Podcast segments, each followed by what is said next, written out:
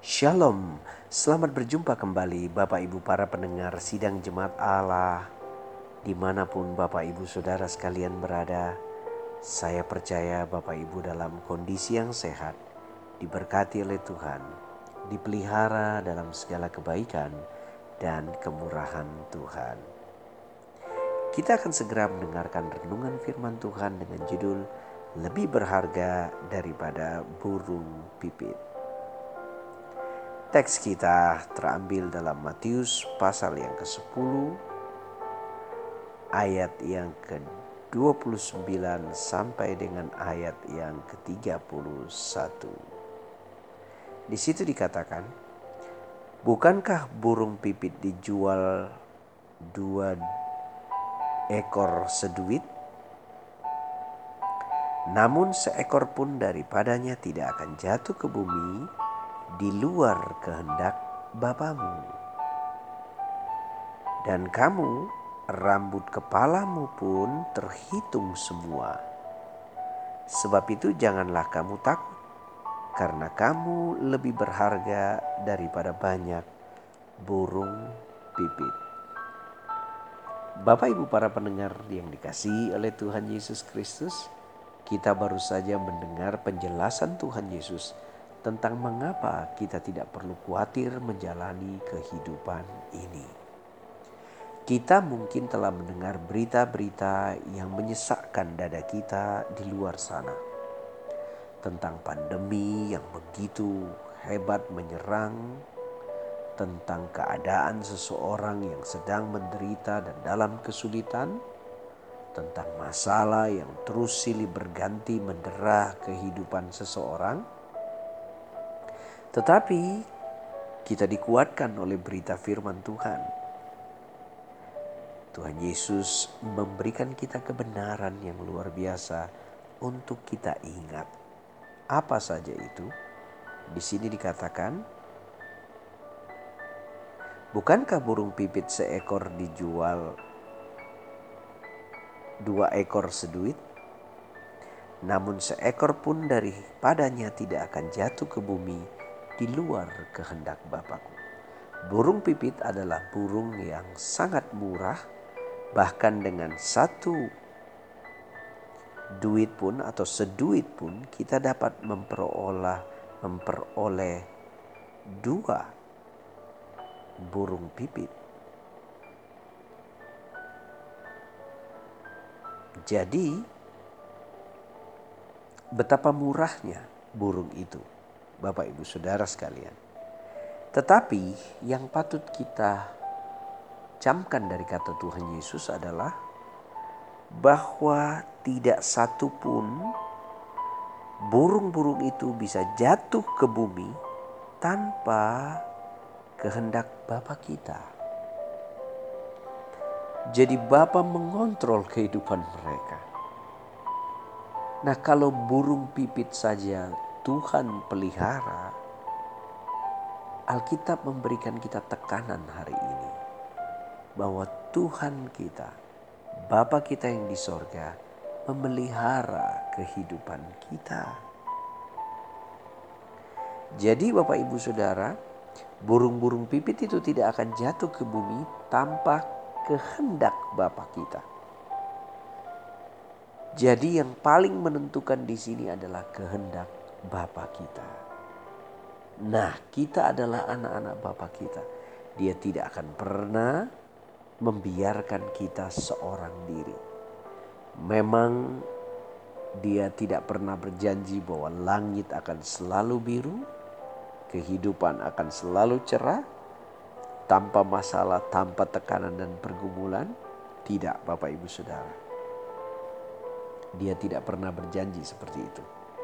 Yang dia berjanji adalah bahwa dia akan menyertai kita melewati semua tantangan, semua keadaan. Dialah yang memberi kemenangan, kesuksesan dan keberhasilan. Tetapi dia juga tidak akan pernah meninggalkan kita di tengah masalah, kegagalan, kelemahan, dan tekanan. Ia akan mengangkat kita keluar sebagai pemenang. Camkan ini Bapak Ibu. bahwa tidak satu pun dari burung-burung pipit itu jatuh ke bumi di luar kehendak dari Bapa kita. Nah Alkitab berkata, kita lebih berharga daripada burung-burung pipit itu. Tidakkah kita bersyukur bahwa ternyata ada Bapa di sorga yang memelihara kehidupan kita. Nah Bapak Ibu, saya setuju bahwa kita begitu memperhatikan anak-anak kita dengan luar biasa. Begitulah Bapa memperhatikan kita, bahkan jauh lebih lagi. Dia mengerti keadaan kita luar dalam. Kita saja yang jahat, tahu memberi pemberian yang baik kepada anak-anak kita. Apalagi Bapa kita yang di sorga tidak akan pernah membiarkan kita. Karena itu Bapak Ibu Saudara, kita percaya bahwa dalam kehendaknya kita terhindar dari semua mara bahaya. Itu yang pertama, Bapak Ibu Saudara sekalian. Jadi di tengah pandemi ini kita percaya kita tidak akan terkena oleh virus apa pun karena kita dalam kehendak Bapa kita. Kita terhindar dari segala mara bahaya, bahkan kecelakaan dan niat jahat orang. Selanjutnya Bapak Ibu Saudara dikasih Tuhan, di situ dikatakan, dan kamu rambut kepalamu pun terhitung semuanya. Luar biasa Bapak Ibu Saudara. Saya nggak pernah menghitung rambut yang ada di kepala saya sendiri Bapak Ibu Saudara. Dan kalau itu saya minta istri saya melakukannya Bapak Ibu Saudara, dia pasti akan menatap saya tajam dan berkata, Hello.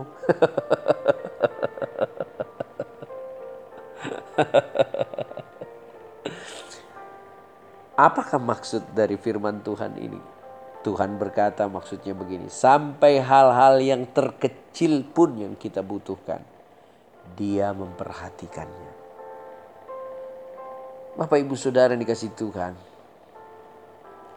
apa sih pentingnya menghitung rambut di kepala kita? Nah, mungkin kita bertanya, buang-buang waktu, Pak. Tapi ayat firman Tuhan ini memberikan kita tekanan bahwa sampai hal sedetil apa pun, Tuhan itu tahu yang terbaik bagi kita. Nah, dengarkan ini. Baik bagi Tuhan sudah pasti baik bagi kita. Tetapi apa yang baik bagi kita belum tentu itu yang terbaik dari Tuhan. Sebab dia melihat melampaui kita. Dia tahu segala keberadaan kita. Bahkan motivasi hati kita pun dia paham. Kalau yang pertama, kita dalam kehendaknya sehingga kita terhindar dari segala hal yang jahat.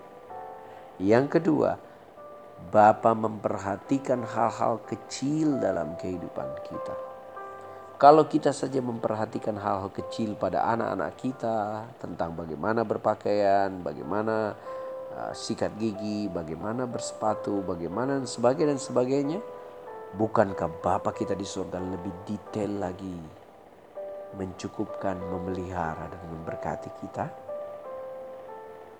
Bahkan ada doa-doa kita mungkin yang kita pikir, ah apakah Tuhan mendengar atau tidak? tiba-tiba dia berikan dalam kehidupan kita. Sungguh luar biasa Bapa yang baik bagi kehidupan kita. Nah Bapak Ibu Saudara sekalian, itulah sebabnya Tuhan Yesus berkata, sebab itu janganlah kamu takut. Ternyata di luar sana kita ketakutan tentang pandemi ini. Jangan-jangan saya, jangan-jangan besoknya saya, jangan-jangan orang yang saya jumpai, jangan-jangan, jangan-jangan Jangan, jangan, jangan, menir, jangan asem, jangan lodeh. Stop Bapak Ibu. Itulah sebabnya Tuhan Yesus berkata, janganlah kamu takut. Kamu tidak akan terkena hal-hal yang jahat di luar kehendak Bapamu.